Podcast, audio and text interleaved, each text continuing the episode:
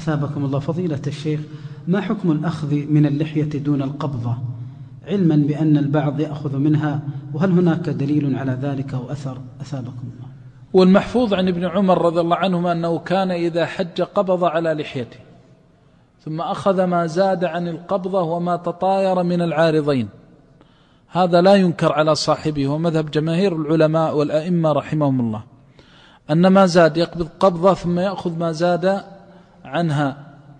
وقالوا إن ابن عمر هو راوي حديث ترك اللحية وإعفاءها ولا يعقل أنه يخالف ذلك وكان رضي الله عنه في يفعل ذلك في الحج. والرواية عن بالسلسلة الذهبية مالك عن نافع عن ابن عمر.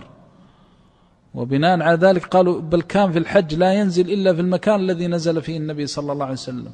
حتى قال بعض العلماء أن هذا الأشبه أنه مرفوع من فعل النبي صلى الله عليه وسلم لأنه هو الذي روى حديث إعفاء اللحية وهو الذي عمل بالقبضة فما زاد عن القبضة يؤخذ ولا ينكر على آخذه وهكذا من ما تطاير ما تطاير الذي يكون في الشعث في أطراف اللحية يتطاير منها فيؤخذ.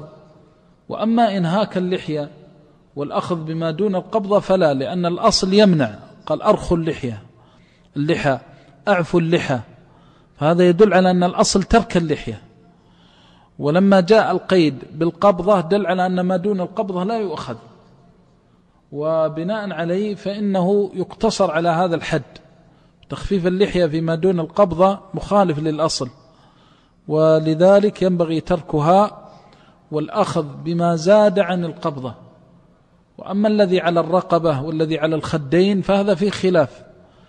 قال بعض العلماء يجوز حلق ما على الخد الأيمن والأيسر لأن اللحية من اللحي واللحي هو العظم هذا معروف في لسان العرب. والذي على الخد زائد عن القدر الواجب لو أخذه لا ينكر عليه.